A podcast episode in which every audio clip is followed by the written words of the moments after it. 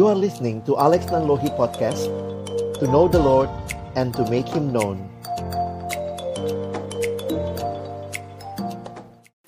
Terima kasih banyak ya Tuhan untuk pengorbananmu yang sungguh luar biasa Yang tidak terselami oleh seluruh pemikiran kami yang sangat terbatas ini dan di dalam anugerahmu itu kami bersyukur kami boleh memiliki relasi yang indah denganmu Tuhan. Kembali pada pagi hari ini.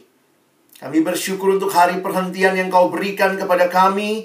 Kami bersyukur kami boleh datang memuji, memuliakan namamu. Dan tiba waktunya bagi kami untuk mendengarkan kebenaran firmanmu.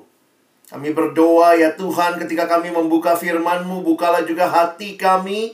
Jadikanlah hati kami seperti tanah yang baik supaya ketika benih firman-Mu ditaburkan, boleh sungguh-sungguh berakar, bertumbuh, dan juga berbuah nyata di dalam kehidupan kami. Berkati hambamu yang menyampaikan semua kami yang mendengar, Tuhan tolonglah kami. Agar kami bukan hanya jadi pendengar-pendengar firman yang setia, tapi mampukan dengan kuasa dan pertolongan dari rohmu yang kudus. Kami dimampukan menjadi pelaku-pelaku firman-Mu di dalam kehidupan kami. Bersabdalah ya Tuhan, kami umatmu sedia mendengarnya. Di dalam satu nama yang kudus, nama yang berkuasa, nama Tuhan kami Yesus Kristus. Kami menyerahkan pemberitaan firman-Mu. Amin. Silakan duduk Bapak Ibu sekalian. Shalom, selamat pagi. Bersyukur buat kesempatan yang Tuhan berikan untuk sama-sama kita datang beribadah kepadanya. Di dalam anugerah Tuhan kita bersyukur karena Tuhan juga terus membimbing gereja Bapak Ibu Saudara untuk terus boleh melakukan ibadah-ibadah dan juga membangun kehidupan setiap kita. Tema yang diberikan kepada kita pada pagi hari ini di dalam bulan apologetika ini kita akan melihat tentang doa. Doa itu mengubah Allah atau manusia. Wah, saudara, ini sebenarnya pertanyaan yang sangat luas dan perlu waktu yang panjang untuk memahami secara mendalam.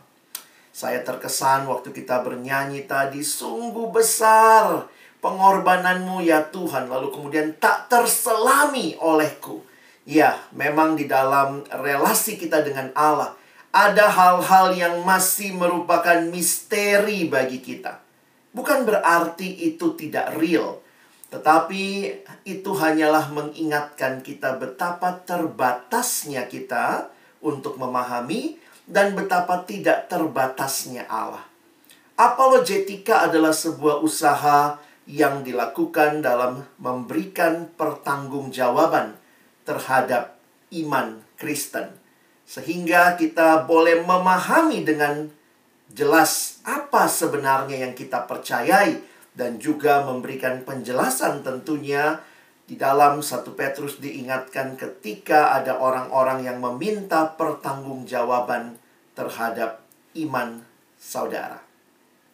Nah, Sebelum menjawab pertanyaan lebih lanjut tentang doa itu mengubah Allah atau manusia, sebenarnya saya ingin mengajak kita melihat lebih luas lagi tentang doa. Doa itu bukan sekadar minta sama Tuhan. Makanya kan kalau kita melihat pertanyaan ini mengubah Allah atau mengubah manusia, biasanya hubungannya dengan minta sesuatu, ya. Tetapi doa adalah sebenarnya di dalam pemahaman yang lebih luas, doa adalah membuka hati dan bercakap-cakap dengan Allah. Berdoa merupakan hak istimewa bagi kita sebagai anak-anaknya. Saya harap kita tidak hanya datang berdoa kepada Tuhan kalau mau sesuatu. Itu namanya orang yang cuma aji mumpung. Pengen sesuatu datang sama Tuhan. Kalau tidak, bodoh amat ya. Sehingga saya sering kali melayani ke kampus, ke sekolah. Saya pernah diundang kebaktian persiapan ujian nasional. Wah, itu sering dilakukan ya. Kalau mau ujian nasional aja anak-anak, wah semua cari Tuhan ya. Tentunya bukan hanya seperti itu. Persekutuan di kampus-kampus kalau mau ujian penuh. Kenapa? Kayaknya cari Tuhan dulu biar nilai bagus begitu ya. tetapi berdoa berkaitan dengan sebuah relasi yang indah dengan Tuhan, hak istimewa. Sayangnya ya, banyak orang yang merasakan doa sebagai sesuatu yang membosankan juga atau membebani sehingga tidak bisa menikmati saat-saat berdoa. Sementara itu tidak sedikit orang Kristen yang menjadikan doa sebagai formula mujarab untuk dapat sesuatu. Itu yang kita sebutkan tadi ya, dapat kesembuhan. Bahkan kadang-kadang saya lihat orang Kristen masih forward itu ya. Uh, teruskan doa ini ke 10 orang. Wah, kalau disebutkan tiga kali nanti dapat payung cantik. Kalau disebutkan empat kali, lima kali nanti mungkin dapat piring begitu ya atau apa. Kadang-kadang saya pikir ini doa atau apa begitu ya. Doa kok cuman sekadar untuk mendapatkan sesuatu, sebuah formula. Alkitab mengajarkan bahwa doa bukanlah aktivitas tanpa makna. Doa bukanlah mantra untuk mendapatkan sesuatu yang kita inginkan, tetapi lebih dalam lagi. Doa adalah sarana untuk berkomunikasi dan membangun relasi dengan Allah. Bayangkan dia Bapa kita, kita anak-anaknya. Bayangkan kalau Bapak Ibu Saudara di rumah misalnya ada bapak kepala keluarga lalu ada anak dan anak itu cuma datang ngomong sama orang tua kalau ada maunya. anak sekarang sih banyak yang begitu ya. Cuma datang kepada orang tua kalau ada maunya ya. Tapi sebenarnya bukan seperti itu yang Tuhan rindukan. Tuhan merindukan sebuah relasi yang indah dengan dia. Nah, kalau kita sekarang masuk lebih jauh kepada topik kita hari ini bahwa kalau doa itu mengubah Allah atau mengubah manusia. Nah, salah satu bagian yang sangat sering dikutip berkaitan dengan menjawab pertanyaan ini adalah kisah Abraham. Kejadian 18 ayat 16 sampai 33. Tentunya dalam waktu yang terbatas ini menjadi pengantar untuk Bapak Ibu bisa mendalami kisah ini dan melihat bagaimana Allah bekerja. Lembaga Alkitab Indonesia memberikan judul bagi perikop ini Doa Syafaat Abraham untuk Sodom. Nah, saya akan membacakannya bagi kita. Bapak Ibu bisa melihat di Alkitab masing-masing atau juga saya sudah sertakan di layar untuk kita mengikuti. Lalu berangkatlah orang-orang itu dari situ dan memandang ke arah Sodom dan Abraham berjalan bersama-sama dengan mereka untuk mengantarkan mereka. Berpikirlah Tuhan, apakah aku akan menyembunyikan kepada Abraham apa yang hendak kulakukan ini?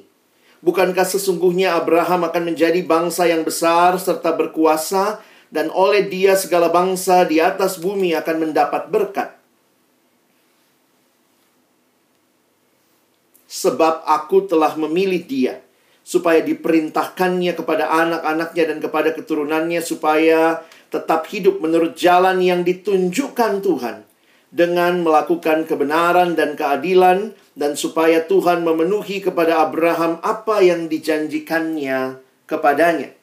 Sesudah itu berfirmanlah Tuhan, sesungguhnya banyak keluh kesah orang tentang Sodom dan Gomora dan sesungguhnya sangat berat dosanya. Baiklah, aku turun untuk melihat apakah benar-benar mereka telah berkelakuan seperti keluh kesah orang yang telah sampai kepadaku. Sebentar ya, oke. Okay. Ayat 21. Baiklah aku turun untuk melihat apakah benar-benar mereka telah berkelakuan seperti keluh kesah orang yang telah sampai kepadaku atau tidak. Aku hendak mengetahuinya. Lalu berpalinglah orang-orang itu dari situ dan berjalan ke Sodom, tetapi Abraham masih tetap berdiri di hadapan Tuhan. Abraham datang mendekat dan berkata, Apakah engkau akan melenyapkan orang benar bersama-sama dengan orang fasik? Bagaimana sekiranya ada 50 orang benar dalam kota itu? Apakah engkau akan melenyapkan tempat itu dan tidakkah engkau mengampuninya karena ke-50 orang benar yang ada di dalamnya itu? Jauhlah kiranya daripadamu untuk berbuat demikian, membunuh orang-orang orang benar bersama-sama dengan orang fasik sehingga orang benar itu seolah-olah sama dengan orang fasik. Jauhlah kiranya hal demikian daripadamu. Masakan hakim segenap bumi tidak menghukum dengan adil? Tuhan berfirman, Jika aku dapati 50 orang benar dalam kota Sodom, aku akan mengampuni seluruh tempat itu karena mereka. Abraham menyahut, Sesungguhnya aku telah memberanikan diri berkata kepada Tuhan, walaupun aku debu dan abu, sekiranya kurang lima orang dari kelima puluh orang benar itu. Apakah engkau akan memusnahkan seluruh kota itu karena yang lima itu? Firmannya, aku tidak memusnahkannya jika kudapati empat puluh lima di sana. Lagi Abraham melanjutkan perkataannya kepadanya, sekiranya empat puluh didapati di sana, firmannya. Aku tidak akan berbuat demikian karena yang empat puluh itu. Katanya, janganlah kiranya Tuhan murka kalau aku berkata sekali lagi. Sekiranya tiga puluh didapati di sana, firmannya, aku tidak akan berbuat demikian jika kudapati tiga puluh di sana. Katanya, Sesungguhnya aku telah memberanikan diri berkata kepada Tuhan, sekiranya 20 didapati di sana. Firmannya, aku tidak akan memusnahkannya karena yang 20 itu. Katanya, janganlah kiranya Tuhan murka kalau aku berkata lagi sekali ini saja. Sekiranya 10 didapati di sana. Firmannya, aku tidak akan memusnahkannya karena yang 10 itu.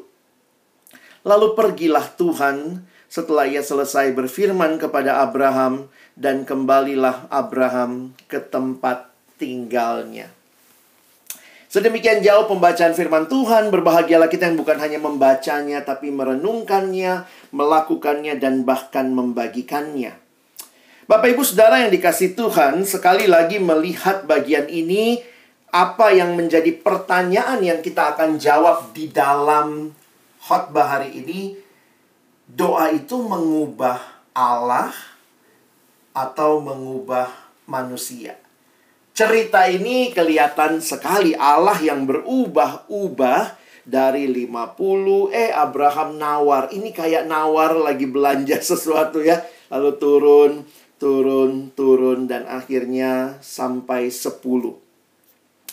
Nah, tetapi sekali lagi saya ingin mengajak kita melihat sebenarnya di dalam keyakinan iman Kristen, kita sih harusnya sudah tahu ya, ini bukan hal yang baru bahwa Allah kita adalah Allah yang tidak berubah. Lalu bagaimana dengan realita cerita ini yang terkesan justru Allah yang berubah? Sebenarnya kalau kita memperhatikan doa itu harus berfokus kepada pribadi Allah. Kalau Bapak Ibu Saudara memperhatikan baik-baik ayat-ayat ini, sebenarnya tidak ada yang berubah dari Allah karena prinsipnya tetap sama. Kalau ada orang benar yang Tuhan dapati, Tuhan tidak akan memurkai, sementara kalau tidak ada orang benar, maka murka Tuhan akan nyata. Apakah jumlah itu menunjukkan Allah berubah? Bagi saya justru seharusnya kita bisa melihat dari perspektif yang berbeda.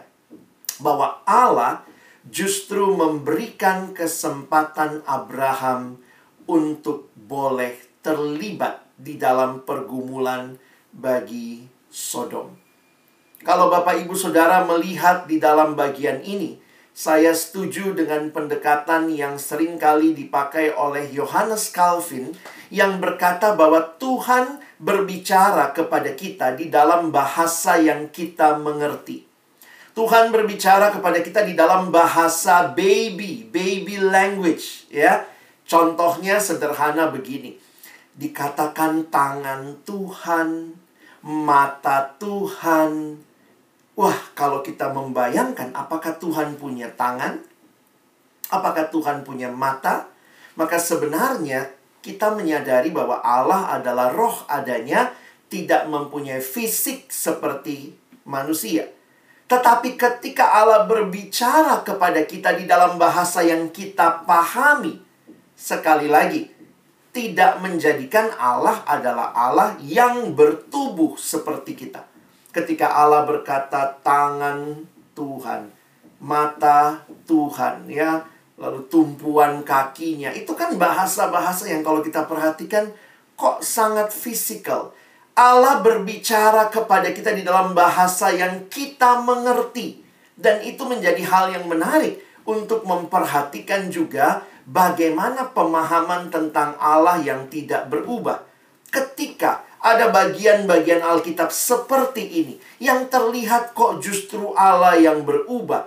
Sebenarnya Tuhan sedang menolong kita memahami bagaimana Dia Allah yang tidak berubah dalam kehendaknya, justru memberi kesempatan bagi kita untuk terlibat di dalam menghayati penggenapan rencananya. Sehingga memang kalau kita bicara doa, bagi saya fokusnya bukan sekadar kepada permintaan Abraham tadi. Tetapi kalau Bapak Ibu membaca kembali perikop tadi, itu berfokus kepada Allah ingin menunjukkan dirinya sebagai Allah yang adil. Perhatikan pertanyaan Abraham di akhir tadi, bukankah engkau Allah yang adil? Sehingga sebenarnya di dalam doa itu fokus Abraham adalah kepada Allah yang dia yakini. Saya coba bergumul juga waktu menyiapkan ini ya. Doa itu sebenarnya relasi dengan Allah atau sekadar transaksi dengan Allah. Wah. Saya harap kita bisa melihat, mungkin awalnya banyak doa kita sifatnya transaksi. Minta apa? Minta kepada Allah, datang karena mau sesuatu. Tetapi kemudian doa harus bergerak lebih jauh lagi kepada relasi untuk mengenal Allah. Saya ulangi, doa bukan sekadar kita datang meminta sesuatu kepada Allah, tetapi doa membawa kita makin kenal siapa Allah. Karena itu tujuan doa yang sesungguhnya seharusnya melampaui sekedar transaksi. Saya setuju dengan satu buku yang ditulis oleh sahabat saya pendeta Yuso yang diterbitkan tentang doa. Judul bukunya Pilar-pilar Doa. Beliau menuliskan demikian salah satu bagian di dalamnya. Seharusnya Allah menjadi tujuan doa. Dan kebutuhan kita yang kita minta adalah konteks yang tanda kutip diperalat Allah. Tetapi kini sekarang malah telah bergeser ya. Di dalam diri banyak orang bergeser. Kebutuhan justru menjadi tujuan doa. Saya mau ini, saya mau itu gitu ya. Dan Allah yang justru menjadi alat untuk mencapai tujuan. Nah, sehingga sekali lagi ya, sebelum saya kalau kita menjawab pertanyaan itu secara teologis gampang sih ya. Tapi saya ingin kita memahami lebih lanjut begitu ya. Doa itu mengubah Allah atau manusia. Yang jelas Allah tidak berubah. Itu statement yang kita baca di banyak bagian di Alkitab. Tapi pertanyaan itu sendiri menyiratkan bahwa tanpa sadar kita hanya menjadikan Allah sebagai alat mendapatkan tujuan. Tujuannya adalah apa yang saya minta. Tetapi seharusnya justru Allah yang menjadi tujuan. Dan permintaan-permintaan kita akan menjadi alat yang Tuhan pakai bagi kita makin mengenal siapa Allah. Jadi kalau kita kembali lagi ya ke pokok ini ya, doa itu mengubah Allah atau manusia. Nah, saya mau masuk juga sedikit karena kita katanya belajar apologetika, Bapak Ibu perlu memahami sedikit beberapa konteks di dalam memahami Alkitab kita. Di dalam Alkitab kita sering kali bingung begitu ya. Kenapa? Karena terlihat ada beberapa hal yang saling berlawanan atau bahasanya itu kontradiksi. Ya. Tetapi kita perlu memahami ya dalam apologetika kita perlu memahami perbedaan antara kontradiksi dan paradoks. Ya, coba kita pahami sebentar ya. Kontradiksi itu berlawanan. Kalau paradoks itu, nah kita nanti coba lihat ya. Kalau kontradiksi itu begini. Kalau A benar, ya, kalau A ini benar, maka B pasti salah. Itulah kontradiksi. Kalau A benar, ya B pasti salah. Namanya juga kontradiksi, berlawanan. Dan sebaliknya kalau B yang benar, A-nya pasti salah. Itu namanya kontradiksi. Sementara paradoks itu bagaimana? Menariknya begini. Paradoks itu adalah A benar, B benar, walaupun kelihatannya kontradiksi. Wah, gimana itu? A benar, B benar, walaupun kelihatannya kontradiksi. Saya kasih contoh sederhana tentang doa. Kita tahu bahwa Allah Maha Tahu. Pernyataan satu. Allah Maha Tahu. Benar atau benar? Ya benar ya. Yang kedua, kita meminta dalam doa. Benar atau tidak? Benar juga. Apakah ini kontradiksi? Karena kadang-kadang kita mikir gini, kalau Allah tahu ngapain berdoa? Itulah manusia kita melihatnya kontradiksi. Kalau Allah sudah tahu ngapain berdoa? Kalau saya berdoa berarti Allah belum tahu. Kalau saya berdoa berarti saya kasih tahu, Allah, Allah, saya mau kebaktian loh.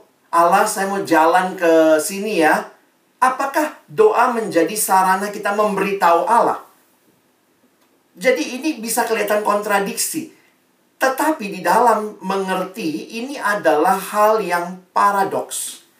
A benar, B benar, walaupun kelihatannya kontradiksi. Nah, yang menarik di dalam Alkitab, iman Kristen itu banyak paradoksnya Bapak Ibu ya. Jadi jangan bilang kontradiksi. Ada orang malas berdoa. Kenapa? Kan Tuhan tahu segala sesuatu. Saya nggak usah berdoa. Padahal ada ayat bilang berdoalah yang berdoalah mungkin punya pemahaman ini Allah nggak tahu nih saya kasih tahu nih dalam doa saya jadi itu bukan dua hal yang harus saling meniadakan Bapak Ibu kalau ketemu paradoks jangan dipilih nggak mesti dipilih kalau kontradiksi ya kita milih kalau A buang B-nya kalau B buang A-nya tetapi kalau ketemu paradoks maka tidak harus dipilih tetapi harus kita jalankan dua-duanya. Wah, gimana itu, Pak? Ya, saya membayangkan seperti rel kereta. Kita tidak hanya kalau rel kereta yang seperti ini ya, bukan monorail ya. Kalau rel kereta api, maka kita butuh dua-duanya. Untuk berjalannya kereta itu butuh rel kiri, butuh rel kanan. Dan ini akan terus berjalan bersama. Coba kita perhatikan ya. Nah, ini kita masuk sedikit ya, misteri doa bahwa sering kali masalah doa itu bukan cuma masalah uh, saya minta sesuatu. Tapi coba perhatikan, ada ayat bilang begini, bahwa apa yang Allah berikan dalam doa tergantung kepada apa? Kepada dirinya atau tergantung kepada kita? Di dalam 1 Yohanes 5, nah Bapak Ibu perhatikan ayatnya sebentar ya. 1 Yohanes 5 ayat 14 dikatakan begini, inilah keberanian percaya kita kepadanya yaitu bahwa ia mengabulkan doa kita. Ia mengabulkan doa kita jikalau kita meminta sesuatu kepadanya menurut kehendaknya. Jadi jelas dalam ayat ini doa dikabulkan kalau sesuai kehendaknya Allah. Oke? Tetapi di dalam bagian yang lain Yakobus pasal 4 ayat 2 ada kalimat begini kamu tidak memperoleh apa-apa karena kamu tidak berdoa. Jadi kayaknya ada ada unsur dan faktor manusianya di sini. Nah, kita ketemu lagi paradoks. Kalau ayat yang ketiganya, kalau Bapak Ibu perhatikan, ada lagi unsur lain tentang mengapa kita tidak menerima. Atau kamu berdoa juga, tetapi kamu tidak menerima apa-apa karena kamu salah berdoa.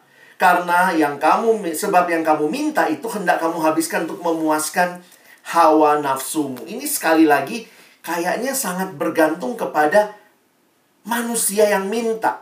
Motivasinya apa? Keinginannya untuk apa? Nah, gimana lagi ketemu lagi paradoks, ya? Paradoksnya begini kan? Allah punya kehendak. Tapi manusia perlu berdoa. Kalau Allah sudah tahu apa yang dia mau lakukan, Allah sudah punya rencana dan Allah tidak berubah, kenapa kita berdoa? Itu kan jadi pertanyaan buat kita. Nah ini misterinya menarik Bapak Ibu kalau kita teruskan untuk pahami ya. Karena begini, perhatikan. ada hal-hal yang tidak kita dapat. Ini kan dalilnya Alkitab tadi ya. Ada hal-hal yang tidak kita dapatkan karena kita tidak berdoa. Ada ayatnya tadi. Kamu nggak dapat karena kamu nggak berdoa. Tetapi realitanya, jujur, ada hal-hal yang kita terima meskipun kita tidak secara khusus mendoakannya. Benar nggak Bapak Ibu? Ada yang pagi ini minta oksigen? Enggak sih ya kayaknya. Kecuali waktu COVID mungkin lagi sakit gitu. Kita nggak ada yang secara khusus minta. Kita nggak minta mungkin pagi ini juga kita nggak datang dengan permintaan untuk bangsa dan negara. Mungkin kita lebih sibuk sama diri kita, keluarga kita, masalah ekonomi kita. Kita nggak berdoa buat yang lain, tapi Tuhan kasih. Jadi akhirnya jadi pertanyaan, kenapa seperti ini? Satu sisi kehendaknya Allah yang tidak berubah. Satu sisi kita berdoa, harus berdoa supaya menerima. Tetapi kalaupun kita tidak berdoa, ada pun ada juga hal-hal yang Tuhan berikan kepada kita. Coba kita simpulkan sebentar ya. Saya coba menyimpulkannya begini. Tidak ada rencana Tuhan yang berubah. Doa mengubah situasi hidup kita. Jadi sebenarnya manusianya ya, situasi kita yang diubah, tetapi tidak mengubah rencana Tuhan dalam hidup kita karena Tuhan adalah Allah yang tidak berubah. Nah, jadi pertanyaan lagi muncul. Kalau begitu doa sia-sia dong. Kalau memang tidak bisa mengubah rencana Tuhan, ya udah terjadi aja apa yang Tuhan mau. Mau Bapak Ibu doa, nggak doa, pasti terjadi dong yang Tuhan mau. Kalau begitu apakah doa kita hanya sia-sia? Dalam pergumulan saya terhadap pertanyaan ini, saya menemukan jawabannya dalam kutipan buku prayer-nya Timothy Keller ya. Dia mengatakan begini. There is no unanswered prayer. Tidak ada doa yang tidak dijawab. Allah mendengar setiap keinginan hati kita dan meresponinya sesuai meresponi kebutuhan kita di dalam cara melampaui hikmat yang kita miliki. Jadi kalau Bapak Ibu perhatikan ya begini. Allah punya rencana, oke, itu pasti dan itu tidak berubah. Tetapi kenapa kita harus berdoa? Kalau saya berdoa sementara Allah sudah tidak bisa berubah, maka waktu saya berdoa sebenarnya apa yang terjadi? Apakah Tuhan benar-benar dengar kerinduan hati kita? Yes. Tuhan mendengar dan justru Tuhan sedang mengubah kita untuk mengerti rencananya sehingga inilah jawaban doa yang melampaui hikmat yang kita miliki. Ketika saya hayati kalimat tadi ya, saya doa terjadi. Misalnya sesuatu saya doakan terjadi. Saya nggak doa, tetap juga terjadi kalau rencana Tuhan. Tetapi apa indahnya? Kenapa saya diminta berdoa? Nah, di sinilah Alkitab memberikan kepada kita pemahaman dari kisah Abraham berdoa tadi. Bagi saya ini satu cara pandang yang menarik. Allah rindu melibatkan kita dalam rencananya. Bapak Ibu, ingatlah bahwa ketika Allah meminta kita, Dia punya rencana. Terus Dia minta kita berdoa supaya kamu menerima. Di dalamnya Allah sedang melibatkan kita di dalam rencananya. Kalau Bapak Ibu baca lagi kisah Abraham barusan, sebenarnya ada kalimat menarik di ayat 17. Berpikirlah Tuhan, apakah aku akan menyembunyikan kepada Abraham apa yang hendak kulakukan ini? Tuhan sudah punya ketetapan. Ketetapan Tuhan juga nggak berubah. Bertobat, diampuni. Tetap bandel, dihukum. Itulah yang akan jatuh pada Sodom. Tetapi Tuhan melibatkan seorang bernama Abraham. Sehingga saya menyimpulkan, Bapak Ibu mungkin bisa lihat ini sebagai kesimpulan yang sederhana berdoa adalah suatu kesempatan yang Allah berikan bagi kita untuk kita makin mengenal Dia dan semakin terlibat dalam penggenapan rencananya bagi dunia ini. Sekali lagi, tanpa Abraham berdoa, pasti juga akan terjadi yang Tuhan mau. Tetapi Tuhan melibatkan Abraham.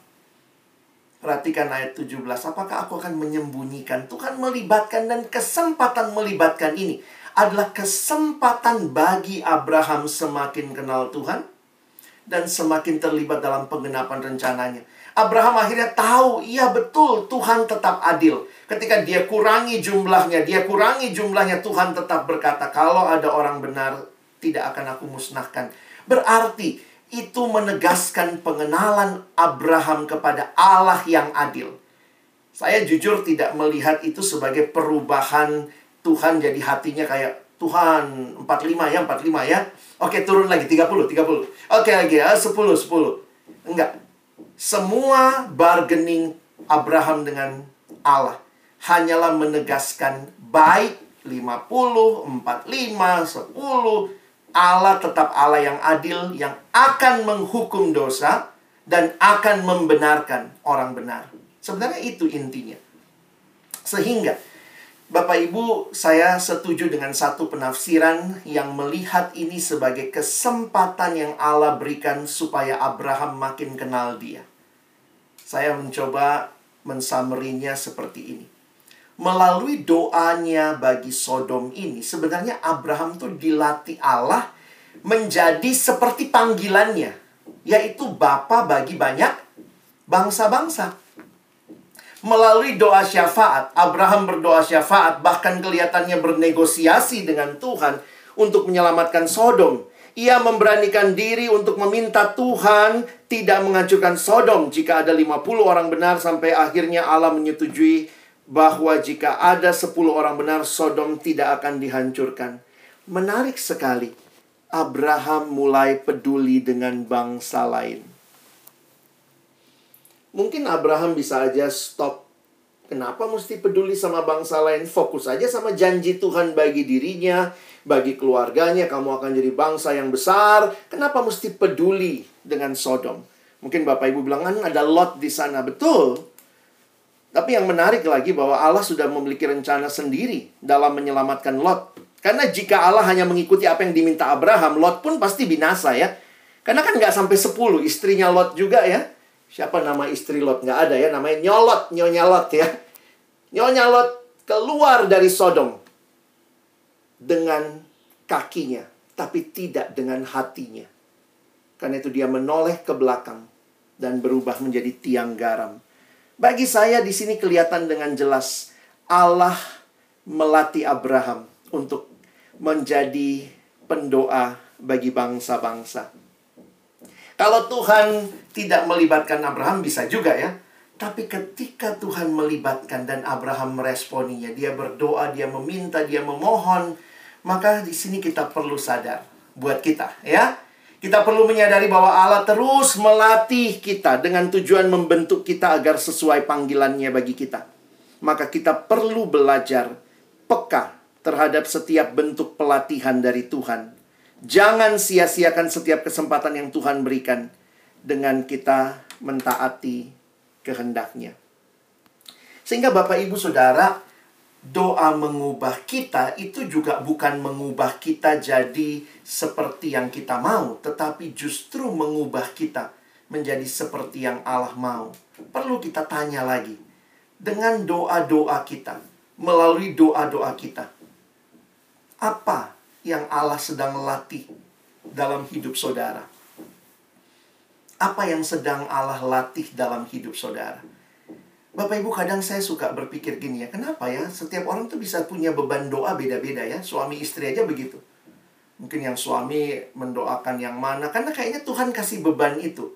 Sementara yang istri mungkin mendoakan yang mana, karena ya Tuhan sedang mau melibatkan kita. Ada yang juga kita sama-sama sebagai gereja, sebagai jemaat, tapi kemudian menyadari bahwa ketika Tuhan sudah punya kehendak yang tidak berubah, dan kita sedang terus dalam dunia yang kita belum tahu ini apa sebenarnya yang pasti yang Tuhan mau, maka kita bergumul, kita berdoa, kita meminta, kita menanti, kita memohon.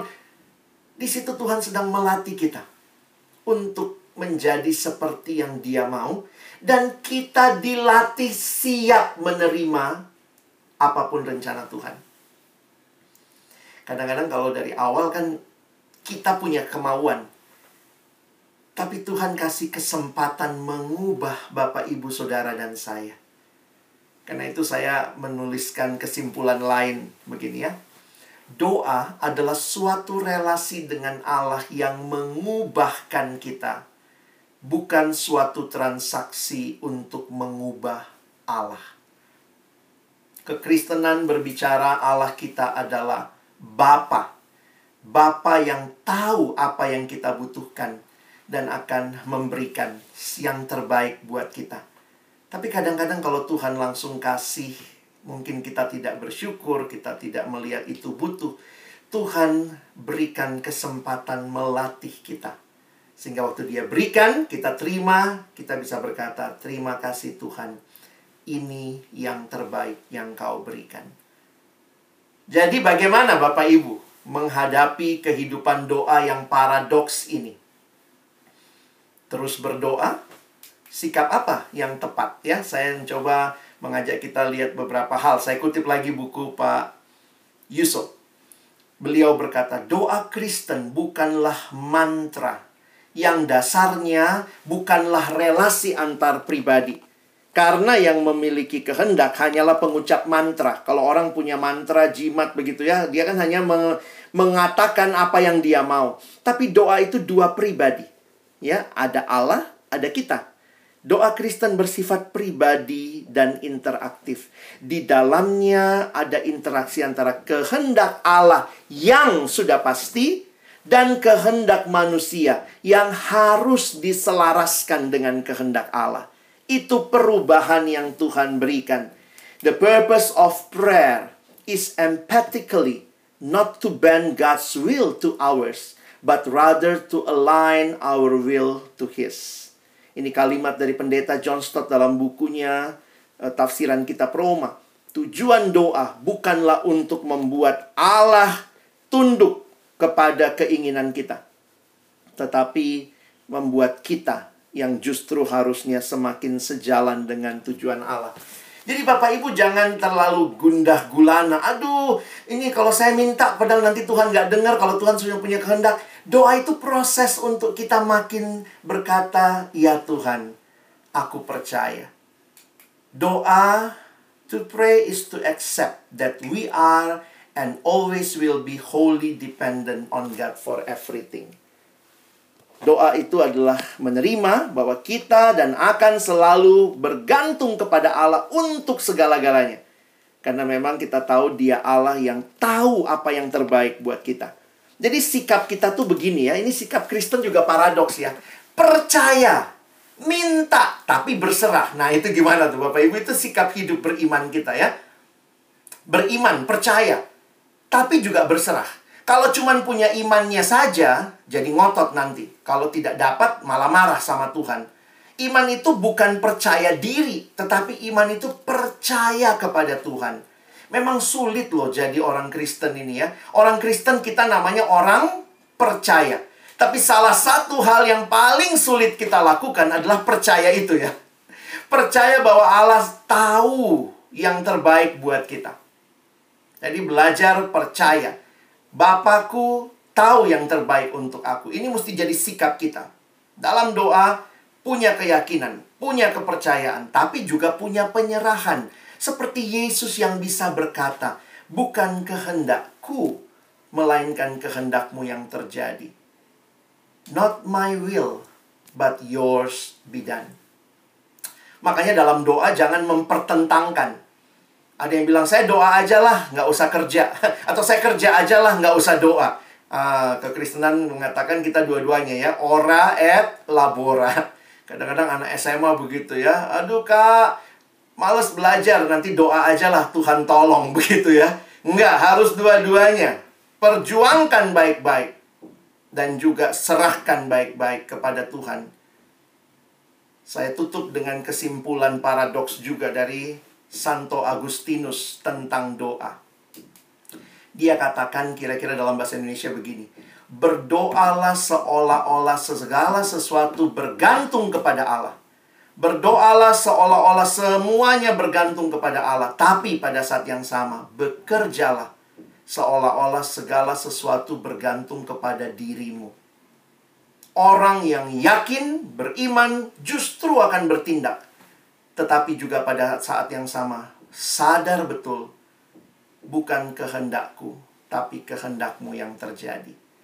Kiranya pemahaman pagi hari ini menolong kita melihat bahwa doa yang dikatakan mengubah bukanlah sedang mengubah kita menjadi orang yang kemudian akhirnya tidak senang dengan Allah, tetapi doa adalah proses yang Tuhan sedang berikan bagi kita, membawa kita semakin seirama dengan apa yang menjadi kehendak Allah.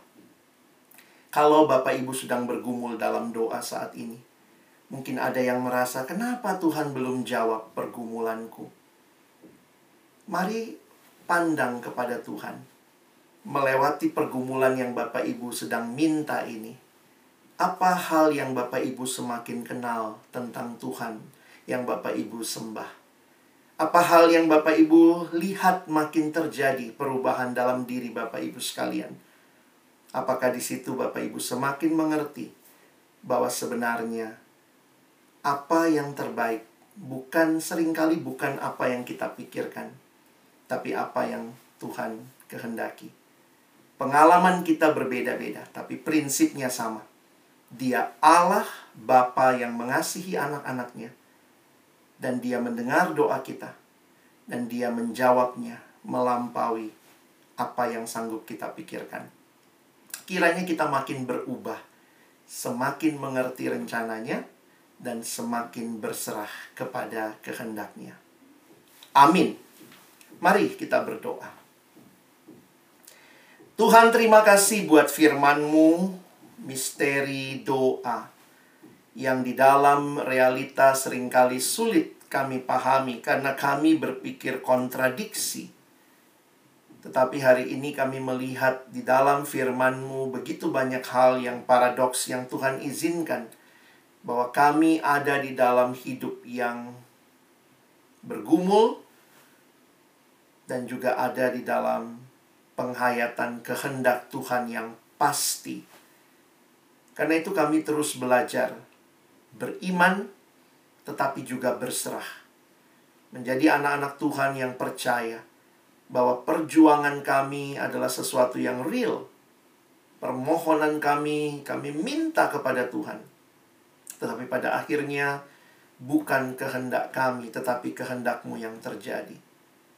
Dan kiranya kami siap menerima jawaban yang terbaik sesuai kehendak Tuhan. Terima kasih untuk hidup beriman yang kau berikan bagi kami, bagi jemaat Tuhan, dan tolong kami agar kiranya semakin bertumbuh di dalam melewati hari-hari hidup bersama Tuhan. Kami bersyukur berterima kasih dalam nama Yesus. Amin.